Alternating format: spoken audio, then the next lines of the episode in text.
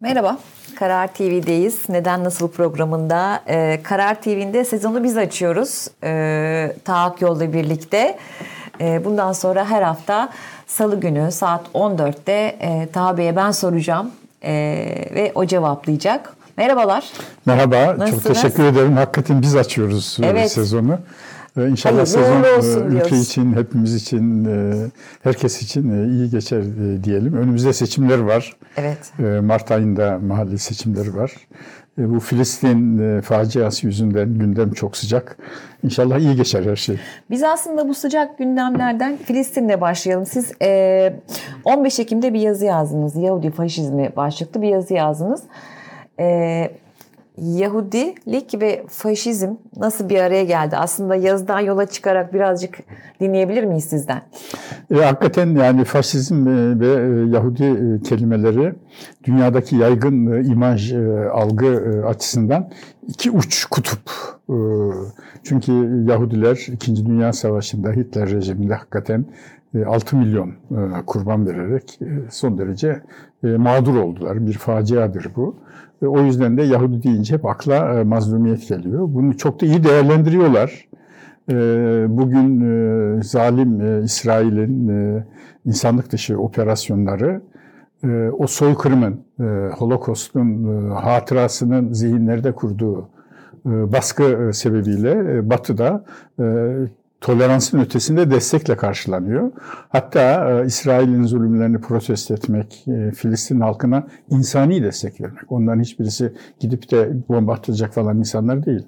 E, Batı başkentlerinde İsrail'i protesto etmek isteyen insanlar onların protestolarını e, bile yasaklıyorlar. O yüzden hakikaten de faşizm e, ve e, Yahudi e, imajı e, bu açıdan bakıldığında birbirine zıt şeyler. Fakat e, bizim büyük sosyologlarımızdan e, Allah rahmet eylesin e, Ziyaettin Fahri Fındıkoğlu'nun Sosyalizm diye bir kitabı var. Orada Yahudilerin Filistin devleti kurulmadan önce yaşadıkları ülkelerde azınlık olduklarını, e, o yüzden böyle çekingen, daima internasyonalist, e, seküler, uluslararasıcılık cereyanlarını, bu arada sosyalizmi, liberalizmi desteklediklerini ama bunlar İsrail'e gelince onların da milliyetçi olmaya başladığını yazıyordu. Bu kitap 1950'lerin e, başında yayınlanmış bir şey. Şimdi ise e, bunun e, bir militarizm, e, bir canavarlık haline döndüğünü düşünüyoruz, e, görülüyor. E, Ben e, teşekkür ederim, o yazımı okumuşsunuz. E, Orada Hitler'in e, Çekoslovakya ve Polonya'da Polonya valisi Hans Frank'ın ve Hitler'in kendisinin verdiği emirlerden alıntılar yaptım. İşte Polonya halkının direnişini kırmak için bütün liderleri yok edilmeli. Rahipleri, çünkü dini kimlik olarak bir direnç yaratabilir, e, yok edilmeli. E, Hatta Hitler'in kendisi diyor ki, e, biz Polonya'nın ve Çekoslovakya'nın halka liderlik yapacak bütün aydınlarını katledeceğiz. Bu insani bir şey değil ama tarihin kanunu böyle diyor. E, İsrail'in de yaptığı bu. Dolayısıyla dünün mazlumları bugün kendilerini zalimleştirecek bir güç zehirlenmesine sahip oldukları takdirde zalim olabiliyorlar. Bunun e, bir örneği e, İsrail. Peki şimdi e, Türkiye'nin bu yaşanan savaşa bakışını biraz konuşmak istiyorum sizinle. E, Kılıçdaroğlu'nun açıklamaları var. E, tezkereyle ilgili. Devlet Bahçeli'nin iktidar paydaşı Devlet Bahçeli'nin çok sert sözleri var. E, yanlış bir şey söylememek için bakmak istiyorum. E, zalimler kudurmuştur. Ondan sonra işte özgürlük şakşakçıları nereye gittiniz? ABD'nin uçak gemisi göndermesi sorun. Aslında daha ağır şeyler de var da Filistinli kardeşlerimiz yalnız değildir. Meydan boş değildir gibi gibi bir sürü sözleri var. Hatta Mehmetçiğin Meh- e, Mehmet evet Mehmetçik e, orada olmalı e, gibi sözleri var. Bizim böyle bir şey yapmamız yani, mümkün mü? Ya da gerekli böyle bir mi? şey e, yapmamız e, mümkün değil. E, Devlet Bahçeli e, artık uslubu bilindiği için e, böyle konuşması yadırganmayan e, bir lider. E, Devlet sorumluluğunu taşıyanların böyle konuşması mümkün değil. Nitekim, nitekim e, Cumhurbaşkanı'nın, e, Sayın Erdoğan'ın konuşmalarına baktığımızda eski o sert tepeden bakan ey diye Aksine uzlaşmacı sesle, bir tavır var. Yani evet, Dışişleri Bakanı'nın temasları seslenen böyle. Osmanlı tokatı e, diye konuşmalar yapan Tayyip Erdoğan bugün ortada yok. E, çünkü e, Sayın Erdoğan e, son 10 yılda Türkiye'nin iktisadi gelişmesinin verdiği aşırı bir özgüven patlamasıyla ve hesapsızlıkla çok sert dış politika yönetti. İsrail'le kavgası, onunla yetinmeyip Mısır'la kavgası Türkiye'yi Doğu Akdeniz'de yalnız bıraktı. Doğu Akdeniz'de yalnız kalmak demek dış politika risklerinin artması demekti. Bunun ekonomiye de olumsuz tesirler oldu. O tepeden bakışın iç politikadaki yansımaları da zaten yatırım güvenliğini ortadan kaldırdı. Geldiğimiz nokta ortada. Ee, Gülhan Hanım, Türkiye 2001 reformlarını rahmetli Kemal Derviş'in imzasını taşıyan 2000 reform, 2001 reformlarını yaptıktan sonra 2012 yılına kadar 3000 e, dolardan 12.500 dolara çıktı. Aşağı yukarı her yıl 1000 dolar fert başına milli gelir artışı. 900 dolar deyin, 800 dolar deyin. Biz öyle devam etseydik şimdi milli gelirimizin en az 20 bin dolar olması lazımdı. 10 bin dolara düştü. Yanlış politikaların ma- maliyetini görüyor musunuz? İşte kendileri de şimdi bu maliyeti gördüğü için eski usluplarını bıraktılar. Hatta e, İstanbul seçimlerinde bile e, İmamoğlu'na oy vermek, Sisi'ye oy vermektir evet. diye konuşacak kadar Sisi'yi şeytanlaştıran Sayın Erdoğan şimdi Sisi'yi ülkemizi ziyarete davet ediyor.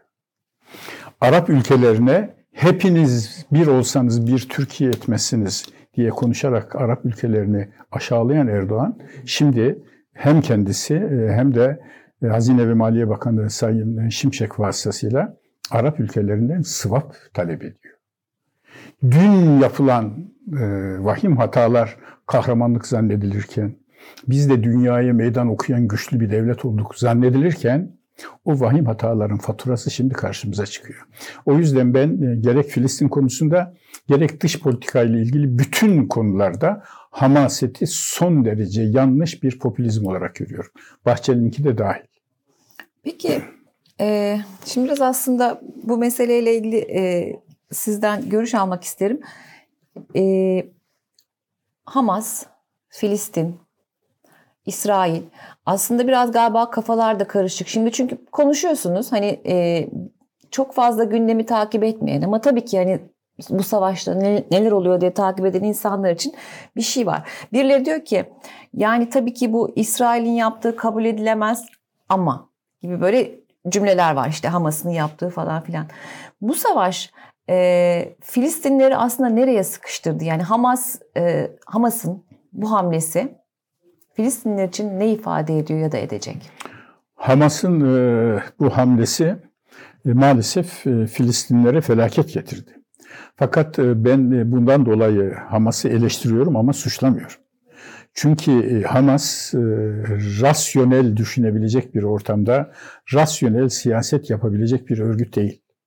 Hamas 1948'den beri aşağılanan, hakarete uğrayan, savaşlarda e, mağlubiyetlere uğrayarak e, ölümler veren, oturduğu evden zorla çıkarılarak o eve Yahudiler yerleştirilen ızdıraplı bir halk. 1948'den 2023'e kadar. Daha kaç on yıl devam edecek onu da bilmiyoruz. Böyle bir halkın rasyonel davranmasını, böyle bir halkın içinden yetişen insanların rasyonel davranmasını beklemek gerçeklikten uzaktır. 1948'den beri. Hadi diyelim İsrail'in elbette bir var olma hakkı var. Artık bu bir uluslararası hem gerçek hem e, hukuki bir e, varlık e, haline geldi. Hiç olmazsa 1967'den, hiç olmazsa 1976'dan itibaren İsrail'in artık kendisini takip ediyor. Arkasında Amerika var.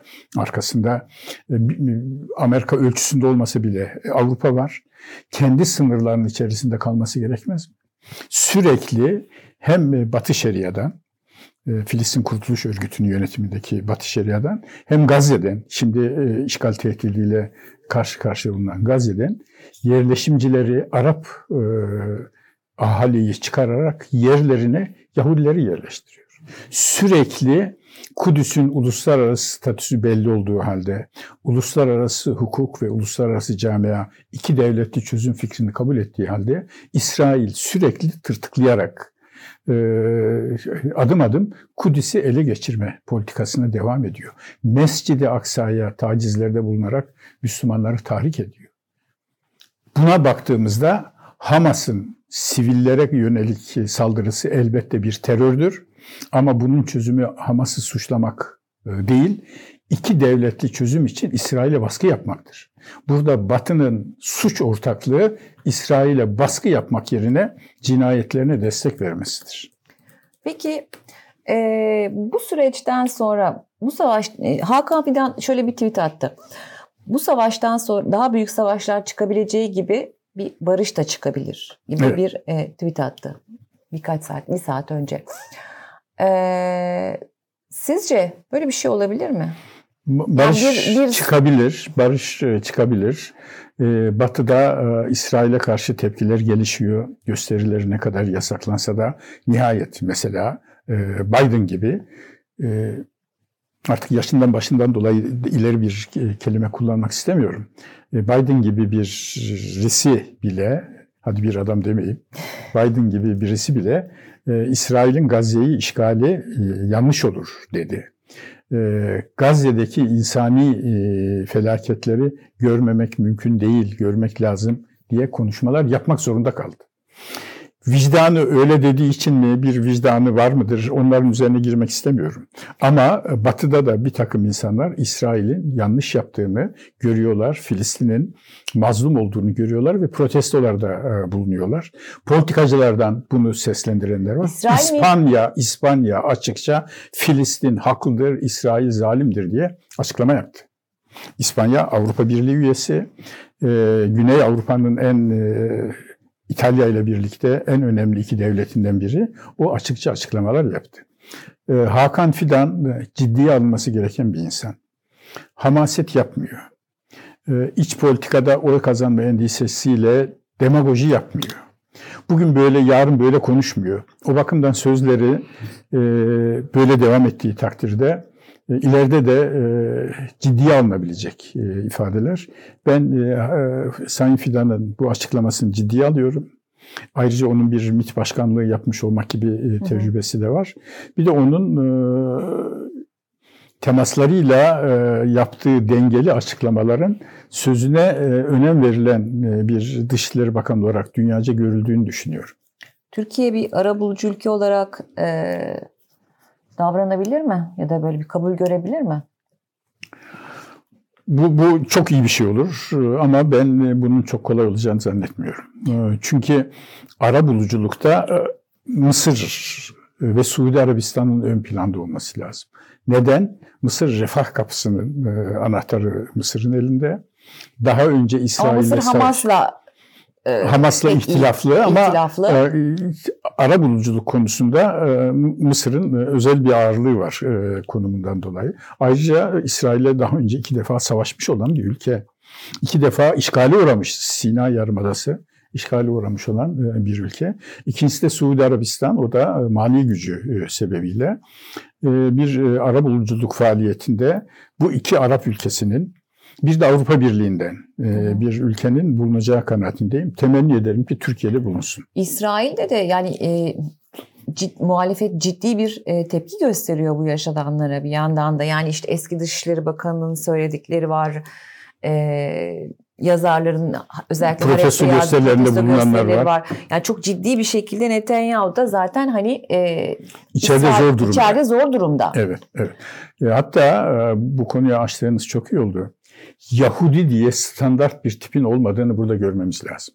Yahudinin e, faşisti var, Yahudinin komünisti var, Yahudinin e, dindarı var, Yahudinin dinsizi var, Yahudinin e, liberali var, sosyal demokratı var.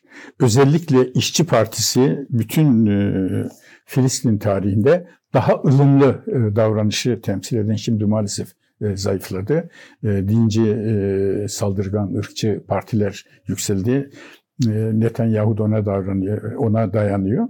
İsrail de Netanyahu yani Siyonist akımların, dinci akımların dışındaki partiler muhalif ve Netanyahu'yu protesto ediyorlar. Savaşta son verilmesini diyorlar. Geçenlerde bir televizyonda izledim. Hamas'ın saldırılarında ailesini kaybetmiş olan bir Yahudi ben artık kan istemiyorum, barış olsun diyor. Ki kendi kayıplarımın intikamını istemiyorum barış olsun e, diyordu. Muhakkak yani Yahudilerin içerisinde de e, vicdan olan insanlar, en azından tırmanan kanın yanlış olduğunu pragmatik olarak gören e, insanlar var. Hakan Fidan'ın dediği gibi bundan iş büyüyebilir. Özellikle İran, İran karışırsa, e, İran karışırsa ama İran, İran da ihtiyatlı davranıyor. Yani Hı. esip gürlese de ihtiyatlı davranıyor. E, savaş genişleyebilir. E, ama işte Fidan dediği gibi söz oydu, konu oydu. E, buradan e, demin dediğim faktörlerin ağırlık kazanmasıyla e, bir barış da çıkabilir inşallah. Umarım. Yani e, aslında şu e, İsrail'de bu kadar protesto yapılırken ve Netanyahu'da e, hedefe konmuşken onun siyasi geleceğinin ne olacağını da herhalde zaman gösterecek. Netanyahu hakkında Çünkü birazcık zaten, bu savaşta paralel gidecek gidiyor, gibi gözüküyor tabii, değil mi? Tabii. Ee, yani Netanyahu bu savaştan e, bir e, kahraman gibi çıkarsa iç politikadaki durumu çok güçlenecek. Aynı zamanda e, Yahudi milliyetçiliği ve Dini Siyonizm Partisi diye İsrail'de parti var ve kabine orada. Bu parti sadece Gazze'nin değil, Batı Şeria'nın, Mahmut Abbas yönetimindeki Batı Şeria'nın da İsrail'e katılmasını açıkça söylüyor. Bu ne demek biliyor musunuz? Yani Türkiye'de bir e, parti e, ortaya çıkıyor. E, nasıl söyleyelim? Selanik'i alalım diyor. Böyle bir bu derecede bir zırva. Bu parti İsrail'de dini Siyonizm Partisi koalisyon ortağı ve parti bizim e, hem e, Gazze'yi hem e, Batı Şeria'yı yok edip İsrail'e katmamız gerekir diyor. İsrail böyle yönetiliyor. Hı. Tabii Yahudilerin bir bölümü de bunun nasıl bir manyaklık olduğunu, bunun İsrail'in başına bela getireceğini görüyorlar ve muhalefet ediyorlar. Türkiye'nin izlediği politikanın, hükümetin izlediği politikanın şimdiye kadar rasyonel olduğunu, eski aşırılıklardan, eski maceracı, Temkinli hamasi bir... söylemden uzak durduğunu burada takdirle kaydetmek isterim. Evet. Bertolt Brecht'in şiiri gibi. Bu gelen ilk savaş değil. Çok savaş oldu bundan önce diye. E, evet Bertolt Brecht'in. Evet e, şiiri. Şimdi biz geçelim e, biraz Türkiye gündemine. Tabii. Ekonomi konuşalım biraz kırılgan ekonomimizi konuşalım. Yani ekonomide e, bir takım pozitif sinyaller Var. oldu, e, olmaya devam ediyor ama e, bir yandan dünya ekonomisindeki e, durgunluk, bir yandan işte e, Filistin'de savaşın, yaşananlar, savaşın etkileri, petrol fiyatlarının yükseltmesi, petrol fiyatlarının dövizin yükselmesi. yükseltmesi e, siz bu e, yeni programı nasıl buluyorsunuz? Şimdi e, tablo aydınlık değil ama karanlık da değil e, renklerin en kötüsü olan gri renk. Gri renk. ne kara diyebiliyorsun ne ak diyebiliyorsun. Yani ne güveniyorsun ne güvensizlik yapabiliyorsun. E, güvenmek için, e, iyimser olmak için e, sebepler e, besbelli. Mehmet Şimşek gibi ortodoks bir iktisatçının yani hayatından faiz sebeptir sözü ağzından çıkmamış.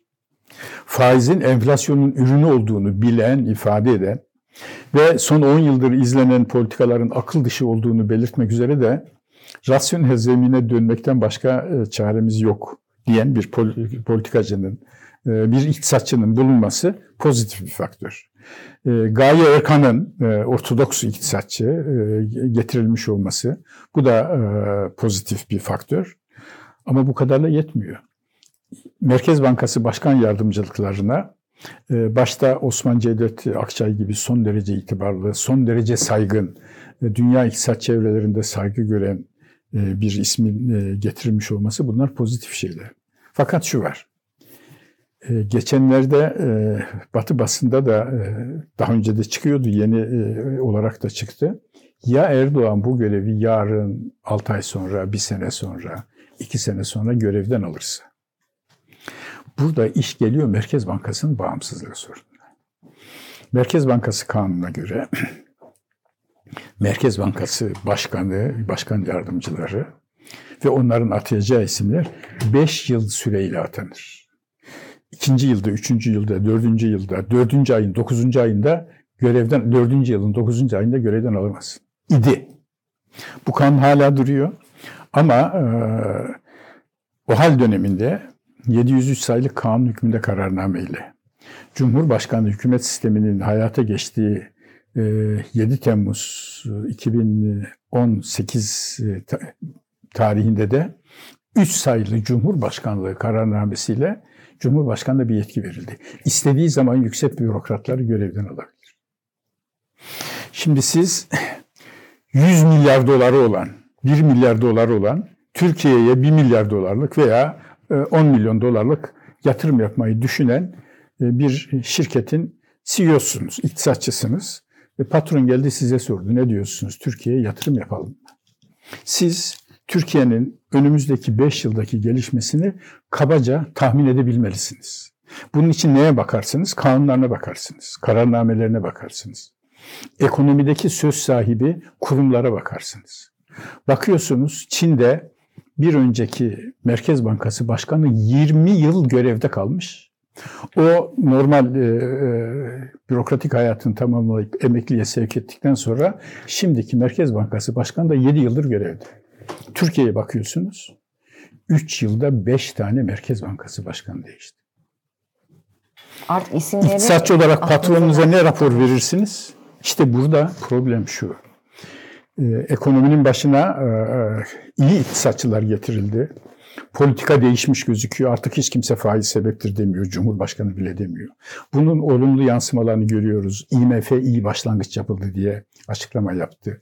IMF politikalarına paralel uygulamalar yapılıyor. Mesela ücret artışlarında geçmiş enflasyonun değil, öngörülen enflasyonun daha düşük dereceli enflasyonun ölçü alınması gibi falan. Bunlar rasyonelleşme işaretleri ama ya bir de yarın Cumhurbaşkanı görevden alırsa dikkat ederseniz böyle bir soru işareti, böyle bir tereddüt olduğu halde hükümet e, Merkez Bankası bağımsızlığını yeniden teyit edecek bir kanun çıkarma sözünü ağzına almıyor. Yeni anayasa var. Milli iradeye uygun, darbeden temizlenmiş falan böyle yuvarlak laflarla. Yeni anayasa var da yeni bir Merkez Bankası kanunu yok. İşte bu tereddütler yaratıyor. Onun için e, Şimşek'in, Gaye Erkan'ın bütün çabalarına rağmen Türkiye'ye ciddi bir sermaye girişi başlamadı. Hı hı.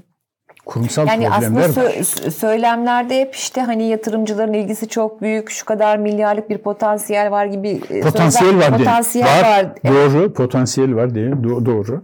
E, Arap ülkeleriyle 50 milyar dolarlık anlaşma imzalandı. Fakat e, bu ticaret ve yatırım anlaşması giren para değil ve henüz o 50 milyar dolardan hiçbir şey gelmedi. Sadece swap var. Swap dediğiniz ne? Ben e, cüzdanımdaki şu parayı size veriyorum. Sizde dursun sonra alırım diyor. Ne zaman alırım? İstediğim zaman. Sizin üzerinizde bu nasıl baskı oluşturur?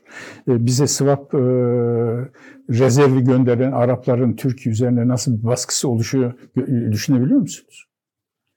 Böyle e, hem e, Şimşek hem e, Gaye Erkan Merkez Bankası'nın rezervlerinden de bahsediyorlar. 100 küsur milyar dolar aştı doğru ama e, brüt rezervleri söylüyorlar. Net rezervler e, negatifte. E, Cumhurbaşkanı Erdoğan da bu 12. kalkınma planı ile ilgili bir paylaşım yapmıştı. E, 2028'de 1 trilyon 589 milyar dolar milli gelire sahip olacağız demiş. E, 2028 sonunda enflasyon 4,7 e, diye devam ediyor. 2023 ile alakalı bir rakam vardı. Yılda ortalama %3 istihdam artışı sağlayarak dönem sonunda işsizliği 7,5 düzeyine indirmeyi öngörüyoruz demiş. E, gerçekçi rakamlar mı bunlar? Şimdi 2028 yılında 1 trilyon doların üzerinde bir milli gelir ulaşmak. Halbuki biz 2011 yılında açıkladığımız ve 100. yıl hedefleri adını koyduğumuz kalkın planda hükümetin 2023 hedefleri adını koyduğu e, programda biz şimdi 1 trilyon dolar zaten geçmiş 25 bin dolar seviyesine çıkmış olacaktık. Böyle hedefler tespit etmek kolay. O hedeflerin kaynaklarını gösterebiliyor musun? İşte kaynak deyince Merkez Bankası'nın bağımsızlığı gibi, e, ihale yasası gibi bir yığın hukuki ve kurumsal problemler devreye giriyor. Biz yaparız, biz aslanız demekle olmuyor. Merkez Bankan bağımsızsa şöyle sonuç veriyor, bağımlıysa, hükümetin emrindeyse şöyle e, sonuç veriyor. E, dolayısıyla bunların kaynakları ve metotları gösterilmeli. Ya bir de sonuçta e, halkın alım gücü ve e, yani biliyorsunuz yoksulluk sınırı 44 bin 4 kişilik bir ailenin. Hani insanlar da bununla çok ilgilenmiyor aslına bakarsanız bir yandan da tamam yatırım lafları, potansiyel şu bu ama günün sonunda da pazara çıktığınız zaman nasıl eve döndüğünüzle alakalı.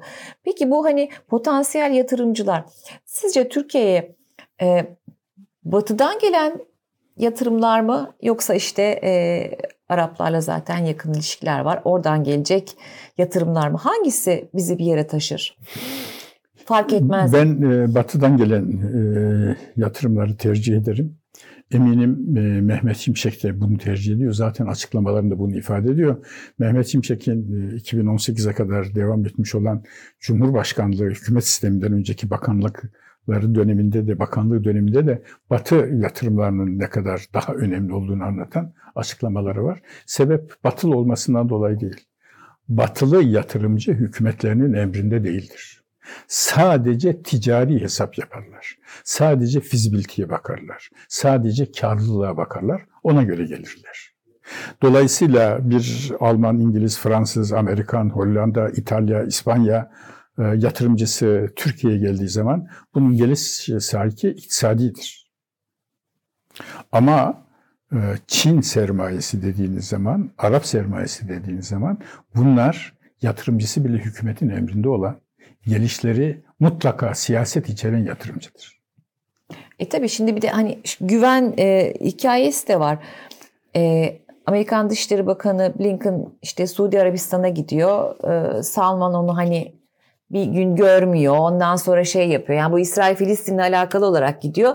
Oradaki duruşları bile hiçbir zaman net değil. Yani bir yandan e, daha arabulucu gibi durmaya çalışırken şimdi İsrail'e e, mesafe koyuyorlar. E, bu anlamda ekonomik yatırımlara geldiğimiz zaman da aslında paralel bir şey. Yani hani Muhakkak bu, politik aranacaklar e, elbette. Güven meselesi. Elbette, elbette. Bir kişinin ağzında. Yani bunların e, davranışlarının nasıl politik olduğunun e, çok somut özeli adli bir süreç işliyor Türkiye'de. Bağımsız tırnak içinde yargının elinde Kaşıkçı cinayetine ilişkin bir yargılama dosyası var. Duruşma açılmış, mahkeme devam ediyor. Ee, İstanbul'da Ağır Ceza Mahkemesi yetkili. Aa bir de baktık ki birdenbire Ağır Ceza Mahkemesi hemen Adalet Bakanlığı'nın isteğiyle toplandı. Üç üyeden ikisinin oylarıyla Kaşıkçı dosyası Suudi Arabistan'a verildi. Bir üye e, Türkiye'nin en saygın hukukçularından burada kendisini saygıyla e, anarak e, ifade ediyorum. Nimet Demir, yargıç Nimet Demir 40 yıllık yargıç e, Nimet Demir e, muhalefet şerhi yazdı. Neticesi ne oldu? Dosyayı verdiğiniz için Suudi Arabistan'dan size sıvap geldi.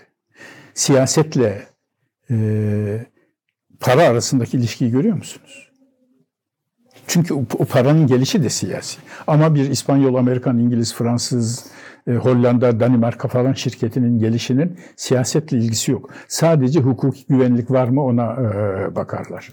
E, bir diğer sonucu da Kaşıkçı dosyasının Suud'a verilmesinin sonucu da muhalefet şerhi yapan 40 yıllık hakim kaldırılıp Maraş'a sürüldü. O da istifa etti, emekli.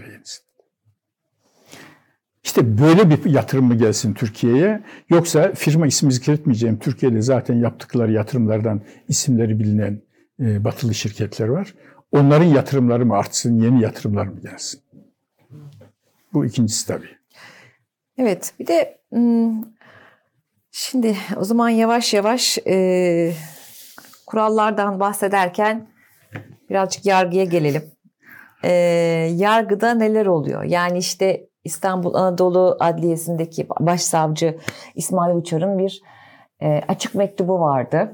E, Anadolu Adliyesi'ndeki bazı hakimlerin rüşvet aldığı iş takibi, ara buluculuk, ara, aracılık, usulsüzlük yaptığıyla alakalı Hakimler ve Savcılar Yüksek Kurulu'na bir dilekçe yazdı. E, Adalet Bakanı da e, bu konuda soruşturma başladığını ve müfettişlerin görevlendirildiğini söyledi. Şimdi İsmail Uçar'ın e, yazdığı olaylar hakkında soruşturma. Evet, olaylar İsmail hakkında. Uçar hakkında değil. hayır hayır olaylar hakkında Evet, yanlış soruşturma. anlaşılmasın. Yanlış doğru haklısınız. Ee, ne oluyor yargıda? Valla Bu e, sağlıklı bir şey mi bir kere? İsmail Uçar'ın e, Yüksek Seçim Kurulu'na gönderdiği e, yazıyı e, ve eklerini ben okudum. Az bile yazmış. Kendisi bazı şeyleri gizlediği için az anlamında değil, kendisi bildiklerini dürüstçe e, yazmış. Ama e, yargıdaki çürüme onun yazdıklarından çok daha büyük boyutlarda olduğu için az bile e, yazmış diyorum. E, benim e, avukat e, dostlarım var, arkadaşlarım var. Kendim hukukçu Hukukçu, olduğum için tabii. zaman zaman e, görüştüğüm emekli savcı, emekli e, e, hakimler var. Halen görevde olanlardan da karşılaşıp görüştüğüm oluyor. Bunların hepsi öyle feci şeyler anlatıyorlar ki e, söylenebilecek tek kelime çürümedir. Bunu gazeteci söylediği zaman iktidarı karalıyor diyebilirsiniz. Ama ortaya çıkmış olan gerçekleri var. Sadece e, İsmail e, Uçar'ın e, yüksek, e, Hakimler ve Savcılar Kurulu'na gönderdiği bu yazı değil, İçişleri Bakanlığı'nın yaptığı operasyonlar. Evet, Yine isim zikretmeyeceğim. Falanca mafya babasının adliye ile ilişkileri. Değil mi? Falanca mafya babasının siyasilerle ilişkileri. Bunlar İçişleri Bakanı'nın yaptığı operasyonlarla çıktı ortaya. Bir diğer husus 2012 yılı 2012 yılına kadar e, bugünkü hükümet bir e, reform hükümetiydi. Avrupa kıstaslarını yabancı sermaye gelsin diye Avrupa kıstaslarını hedef alan, e, o yönde kanunlar çıkaran bir hükümetti. E, Türkiye uluslararası yolsuzluk indeksinde 54. sıradaydı. Bu iyi bir sıradır. Bazı Avrupa ülkelerinden bile iyiydi. Şimdi 2023 e, Ocağı'nda açıklanan raporda Türkiye 100, Yüz- 101. sıraya Evet. düştü. Düşüşü görüyor musunuz? 14 puan birden kaybetti. Peki o yalan, bu muhalefet, öteki dış güçler, belki sahtekarlar, e, işbirlikçiler falan, İçişleri Bakanı'nın operasyonları ona ne diyeceksiniz? Sizin İçişleri Bakanı. Ona ne diyeceksiniz? İşte vicdanlı bir savcı çıktı, feryat ediyor, isim veriyor. Şu şu şu isimlerin şu kararlar diyor. Şu şu şu dosyalar diyor. Ee, bir buçuk milyon dolarlık bir yolsuzluk e, soruşturması yapılıyor. E, şüphe sebepleri kuvvetli olduğu için e, dürüst bir hakim e, tutuklama kararı veriyor. Niyeyse bir savcı itiraz ediyor. Av- avukatı itiraz ediyor. Gittiği mahkeme tahliyesine karar veriyor. Adam da tüyüyor. Ne diyeceğiz bunlara? Burada esas olay şu. İktidardakiler kim olursa olsun, dindar ya da seküler, milliyetçi ya da sosyalist, sağcı ya da solcu fark etmez. Güç bozar, mutlak güç mutlaka bozar. Bunu önlemek için gücün dengelenebilir olması, denetlenebilir olması, yargının bağımsız olması, yanlışları yazabilmesi için medyanın hür olması, özgür olması, kuvvetler ayrılığının ülkede egemen olması, meclisin yürütmenin emrinde değil, bağımsız e, soruşturmalar açabilecek, araştırmalar yapabilecek bir kuvvetler ayrılığı prensibinden güç alıyor olması lazım. Bunlar olmayınca sonuç böyle oluyor işte. Bunlar olabilecek mi? Valla demokrasi tarihine e, baktıkça e, ben e, asla ümitsiz değilim. E, Bundan 70 yıl önce kabaca e, Almanya'nın başında Hitler vardı. E, Demokrasi kolay gelmiyor. Demokrasinin gelmesi için belli bir eğitim düzeyi, belli bir gelir düzeyi, o gelir de gökten para inmekle olmuyor.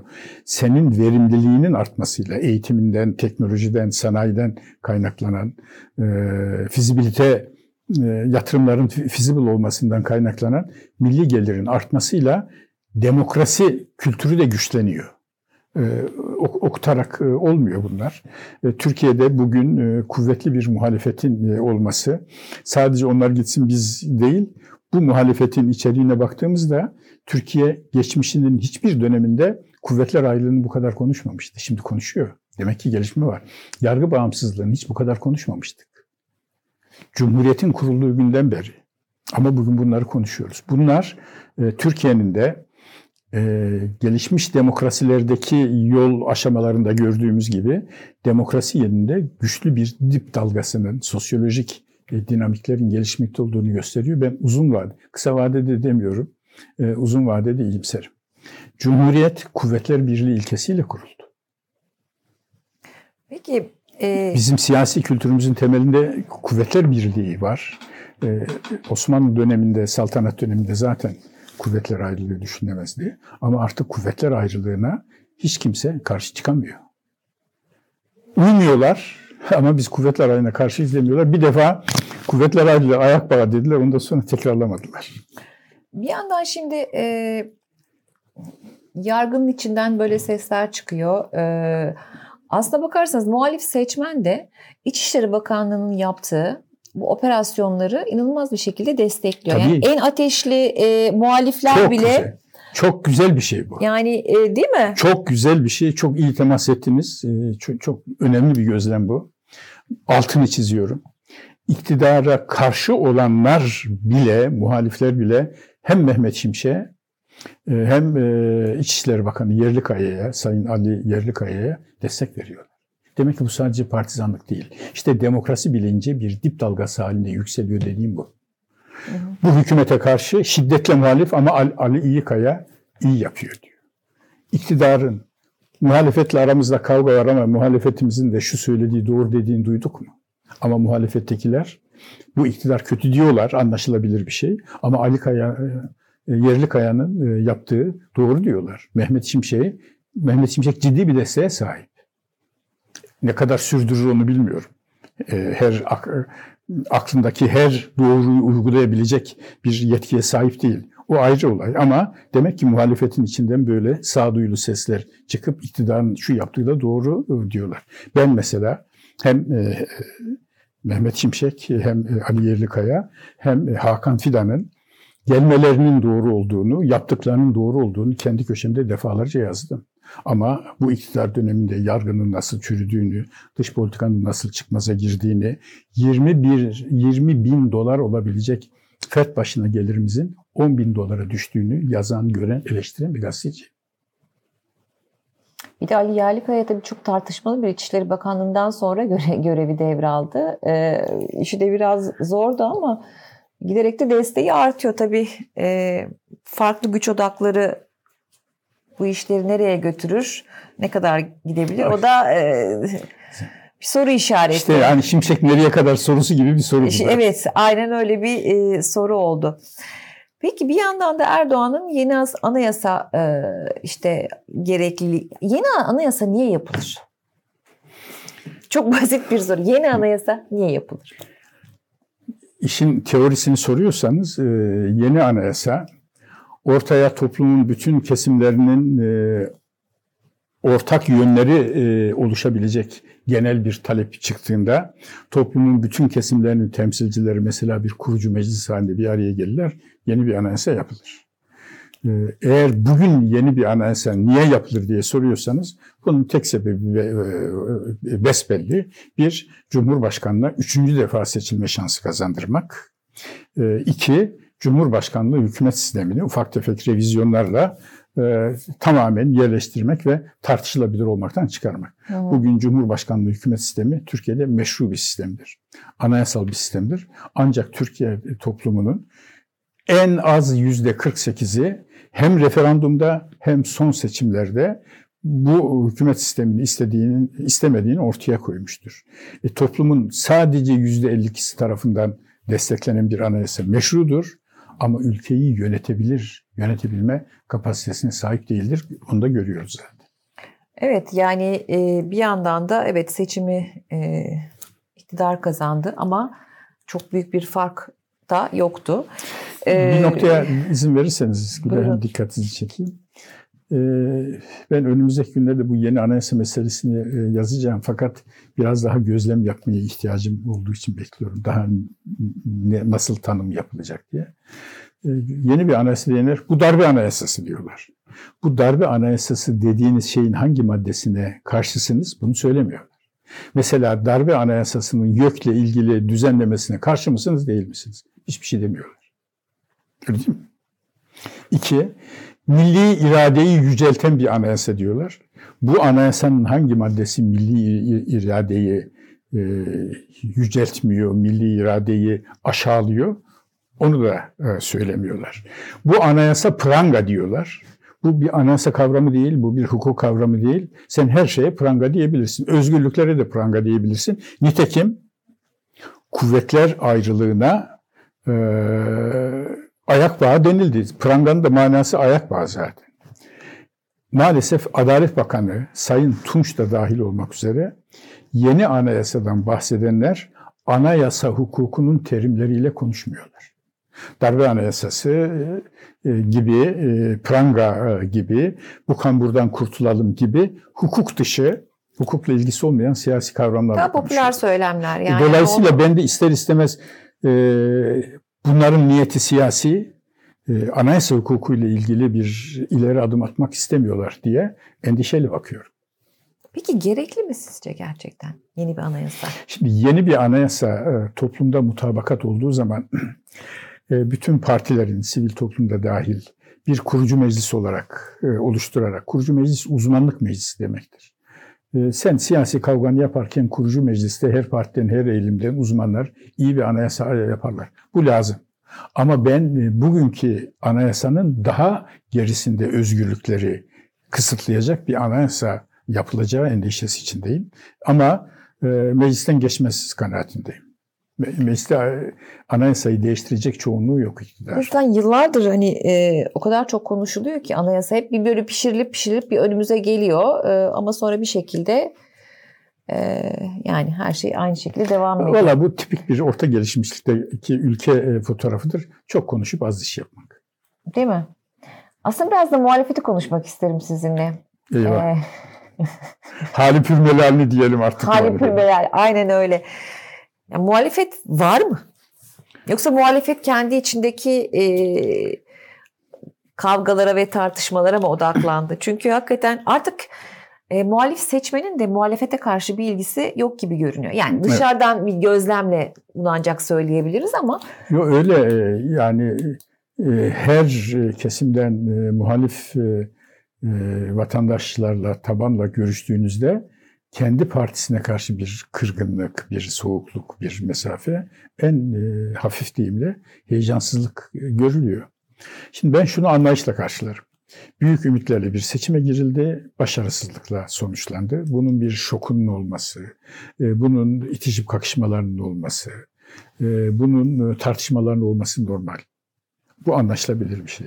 Fakat arada böyle sağduyulu seslerin çıkıp gelecekte ümit verecek şekilde bugünü toparlamaya başlaması lazım. Onu görmüyoruz. e, bir de şimdi hani şöyle bir şey de önümüzde bir seçim var. İnşallah Yerel önümüzdeki seçim seçime ama- kadar yani önümüzdeki seçime e, kadar bir CHP'nin e, kongresi var. Hı hı. Ne çıkacak?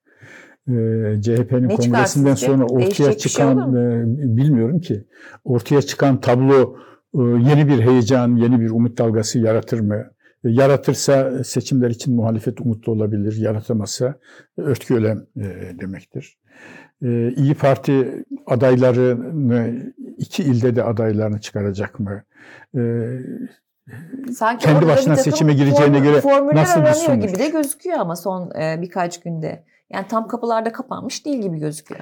Öyle e, gözüküyor. Benim de temennim e, İyi Parti'nin e, Ankara'da e, Mansur Yavaş'ı desteklemesi ama belediye meclisi, ilçe e, belediyeleri konusunda e, tabii oturup e, bir e, müzakere yapmaları, adil bir, e, rasyonel, vatandaşın yadırgayamayacağı, hak vereceği e, bir anlaşmaya varmaları ve İstanbul'da da Ekrem İmamoğlu'nu. Bunlar mevcut isimler olduğu için söylüyorum. Bunların şahsi ile ilgili ne pozitif ne negatif bir niyetle bunu söylemiyorum.